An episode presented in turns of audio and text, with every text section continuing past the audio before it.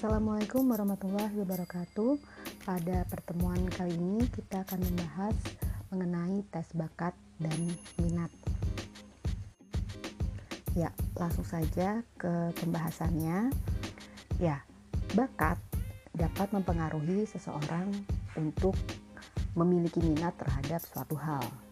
Nah, terkadang seseorang belum tentu mengetahui bahwa ia memiliki bakat di suatu bidang ia hanya minat terhadap bidang tersebut tanpa diketahui apakah ia berbakat di bidang yang sama. Begitu ya. Eh, lalu pertanyaan berikutnya yang muncul adalah bagaimana mengetahui bakat dan minat secara tepat. Nah, ketika seseorang masih kecil, bakat dan minat dapat terlihat dari observasi orang tua terhadap hal yang disenangi oleh anaknya. Sedangkan untuk anak usia remaja yang telah memiliki kesenangan di berbagai bidang, sering kali merasa kesulitan untuk menentukan hal yang paling diminati karena merasa minat di semua bidang, suka semuanya. Olahraga suka, memasak suka, traveling suka, uh, lalu menggambar suka, bernyanyi suka, menari suka. Kayaknya saya bisa semuanya gitu ya. Kadang kan uh, remaja masih bimbang menentukan uh, dia lebih condong ke arah bakat yang mana atau dia lebih memiliki passion yang seperti apa. Nah, untuk itu mengetahui secara pasti bakat dan minatnya menjadi hal yang penting. Salah satu cara yang paling akurat untuk mengetahui bakat dan minat adalah melalui tes bakat dan minat. Nah, mengetahui bakat dan minat dapat menjadi modal dasar untuk menentukan pilihan ju, uh, pilihan jurusan kuliah yang tepat gitu ya.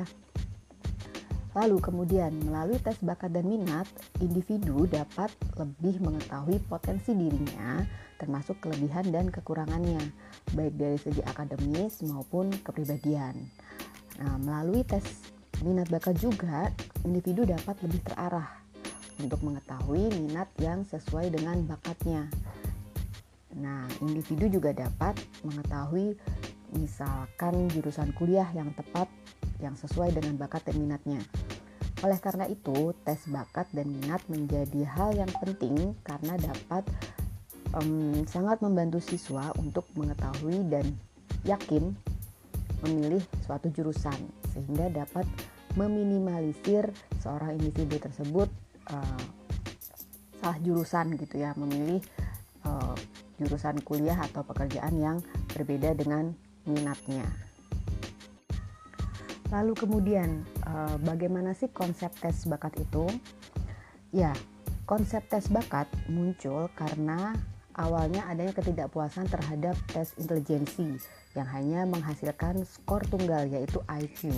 Sedangkan perkembangan uh, seorang individu sejatinya bukan hanya dipengaruhi oleh IQ saja, tetapi banyak hal lain kecerdasan kerja kecerdasan lain yang dapat mendukung berkembangnya seorang individu menjadi lebih optimal. Kemudian uh, konsep bakat, konsep tes bakat itu muncul juga karena adanya ketidakpuasan terhadap uh, tadi ya IQ sebagai tolak ukur uh, atau single factor gitu.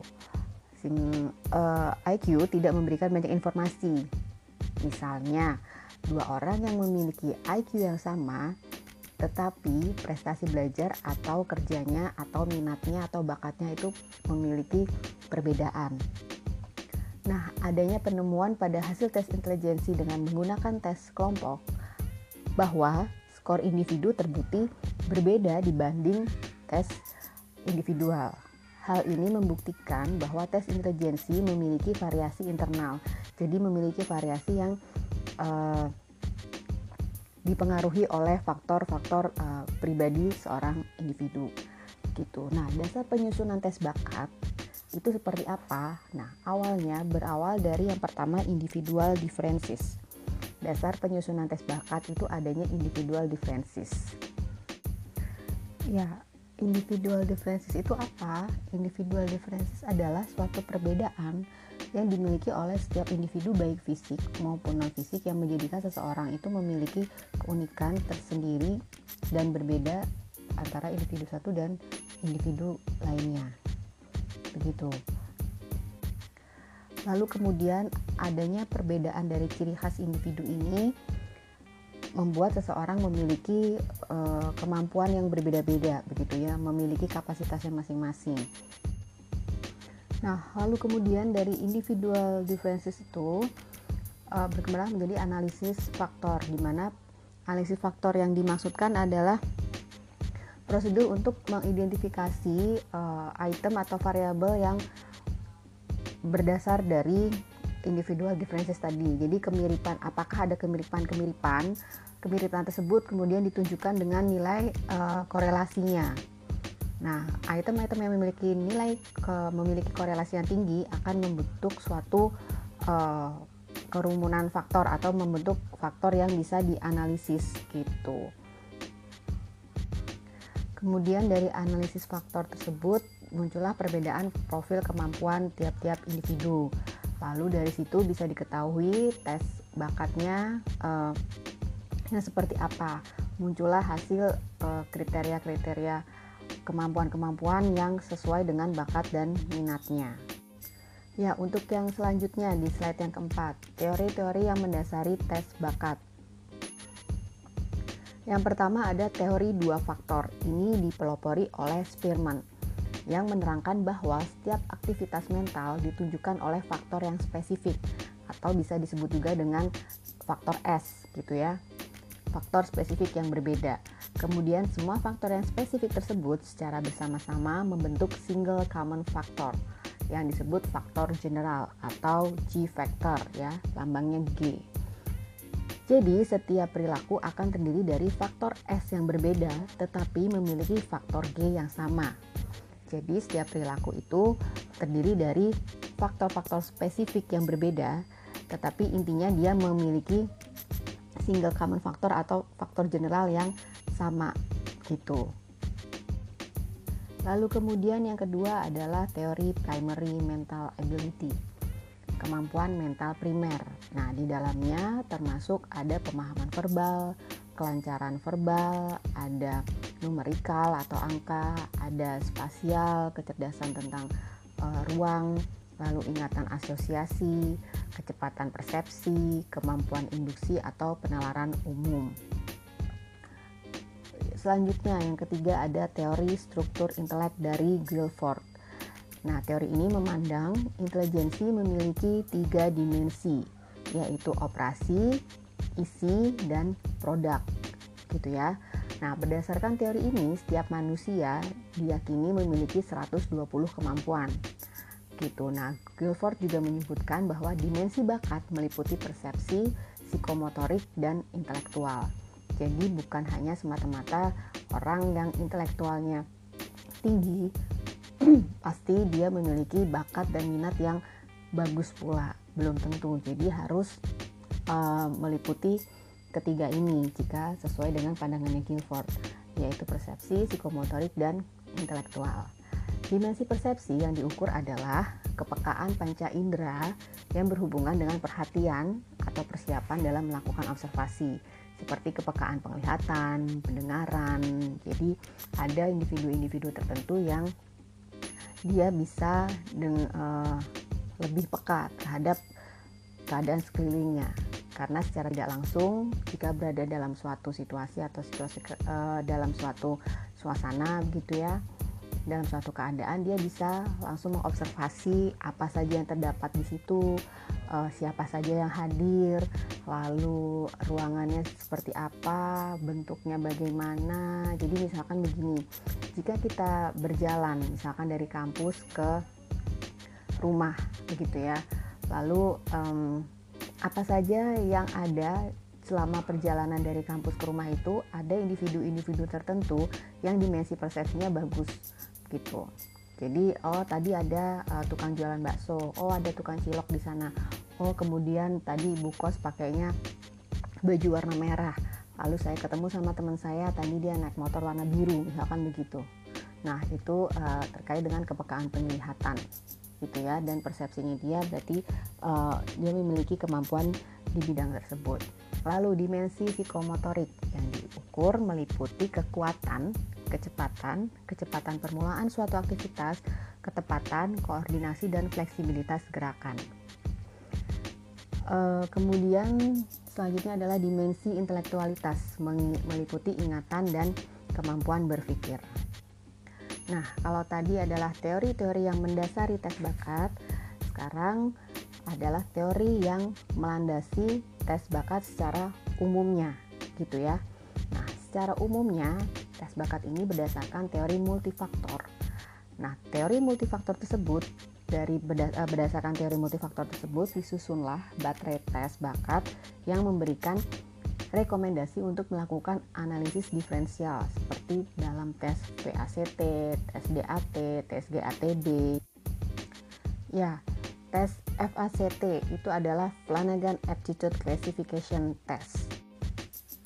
Ya, FACT ini disusun oleh J.C. Flanagan gitu ya seorang profesor psikologi di Universitas Pittsburgh dan direktur uh, dari American Institute of Research.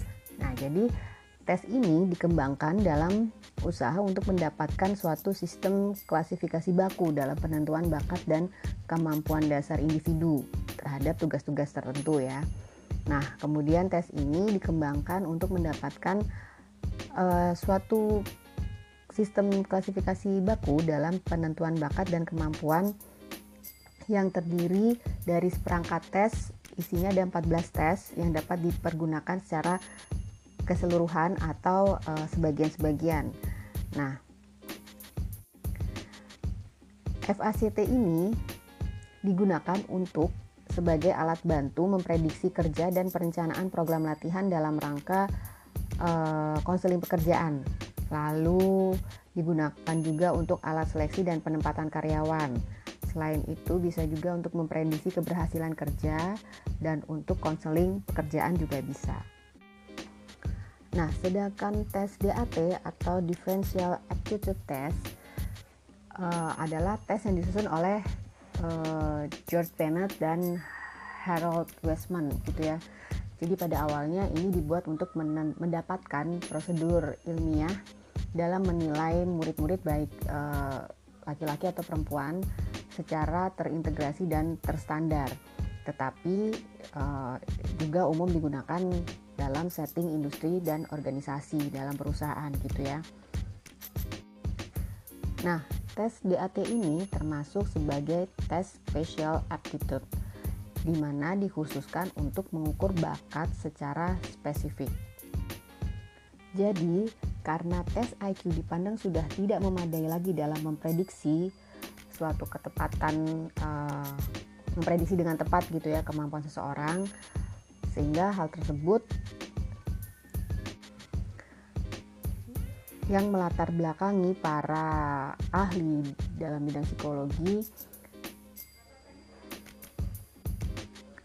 memiliki kesadaran bahwa Kemampuan mental tidak hanya terdiri dari faktor fak, uh, ter, tidak hanya terdiri dari satu faktor saja, tapi banyak faktor.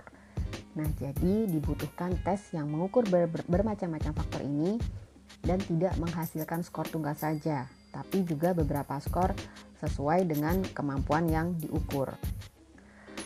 Untuk selanjutnya, tes GATB atau General Aptitude Test Battery.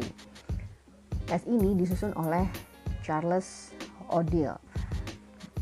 Tes ini digunakan untuk konseling pekerjaan, awalnya di uh, perusahaan-perusahaan begitu ya. Nah, tes ini terdiri dari 12 subtes yang mengukur 9 jenis bakat. Lalu kemudian, selain itu, tes bakat juga ada yang berdasar pada teori bakat spesifik yang memandang bahwa masing-masing bakat itu tidak saling berhubungan. Lalu, apa saja faktor-faktor yang mempengaruhi pengembangan bakat? Yaitu ada yang pertama, potensi individu secara genetis. Jadi, bakat itu bisa diturunkan. Misalkan uh, penyanyi anaknya mungkin memiliki kecenderungan menjadi penyanyi juga. Lalu yang kedua, kepribadian. Yang ketiga, faktor yang mempengaruhi pengembangan bakat adalah maturity. Yaitu kematangan gitu ya kematangan terhadap uh, suatu hal yang dia yakini uh, dia memiliki passion di hal tersebut begitu. Yang selanjutnya ada minat lalu motivasi dan nilai hidup. Untuk selanjutnya, pada slide yang ke-8 ada tujuan tes bakat minat. Tujuannya untuk apa? Yang pertama untuk diagnosis gitu ya. Tes bakat minat e, dilakukan untuk mendiagnosis e, awalnya untuk kita mengetahui bakatnya. Lalu e, kemudian kita bisa memahami potensinya untuk kemudian bisa menganalisis permasalahan di masa kini yaitu dalam bidang klinis, pekerjaan, pendidikan, industri dan organisasi.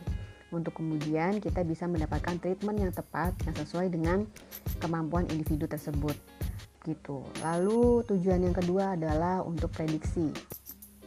Untuk memprediksi kesuksesan atau kegagalan pada bidang tertentu di masa depan yaitu untuk ini lebih mengarahnya ke seleksi penempatan e, karyawan atau klasifikasi jabatan gitu ya. Nah, ini merupakan suatu upaya mempertemukan potensi seseorang dengan persyaratan oleh suatu lembaga atau perusahaan. Gitu. Lalu, manfaat tes bakat minat. Di bidang pendidikan itu untuk mengenali diri sendiri. Mengenali diri sendiri dalam arti uh, individu mengetahui dengan baik bakat dan minat yang dimiliki, sehingga dapat menjadi acuan dalam memilih sekolah atau bidang kejuruannya. Kemudian untuk mengembangkan potensi yang telah dimiliki oleh individu tersebut, sehingga memudahkan untuk membimbing individu dalam memperoleh hasil belajar yang optimal. Kemudian bisa juga untuk menyelamatkan masa depan individu. Individu yang sudah mengetahui potensinya dapat mengembangkannya semaksimal mungkin. Nah, lalu uh, apa ya perbedaan tes bakat dan tes intelijensi gitu ya? Nah, tes intelijensi itu kapasitas total seseorang untuk dapat berpikir dan bertindak efektif yang mempergunakan kemampuan optimal dari kognisinya. Lalu kalau bakat itu kapasitas atau potensi yang berkembang, yang berkembang istimewa dan menonjol dari seseorang untuk dapat melakukan suatu bidang tertentu dibanding bidang lain. Jadi lebih mengkhususkan uh, keahliannya atau kemampuannya yang lebih besar di suatu bidang tertentu. Begitu. Jadi bakat merupakan bagian dari intelijensi. Nah, tes bakat itu pada intinya untuk mengukur prestasi yang akan dicapai di kemudian hari. Sedangkan tes prestasi mengukur kemampuan yang dicapai saat ini. Gitu ya. Jadi prestasi atau achievement itu has adalah hasil pencapaian aktual dari suatu tindakan melalui proses belajar. Sedangkan potensi atau uh, potensi itu di dalamnya ada bakat dan intelijensi. Nah, jika potensi ditambah belajar, maksudnya e, didampingi dan ditambah e, dilakukan dengan e, proses pembelajaran akan memperoleh hasil prestasi yang optimal gitu. Ya, kurang lebihnya itu penjelasan dari saya. Untuk selanjutnya bisa tolong dijawab mini questionnya. Silahkan dijawab di WA group Intinya, terangkan perbedaan antara tes bakat dan tes intelijensi. Baik, ya, terangkan mengenai perbedaan tes bakat dan intelijensi. Ya, silahkan dijawab di WA Group. Cukup sekian penjelasan dari saya. Jika ada yang ingin didiskusikan, silahkan dikoordinasikan dengan komting kelasnya. Nanti akan saya bantu jawab, gitu ya. Kurang lebihnya sekian. Jika ada yang kurang berkenan, saya mohon maaf. Terima kasih. Wassalamualaikum warahmatullahi wabarakatuh.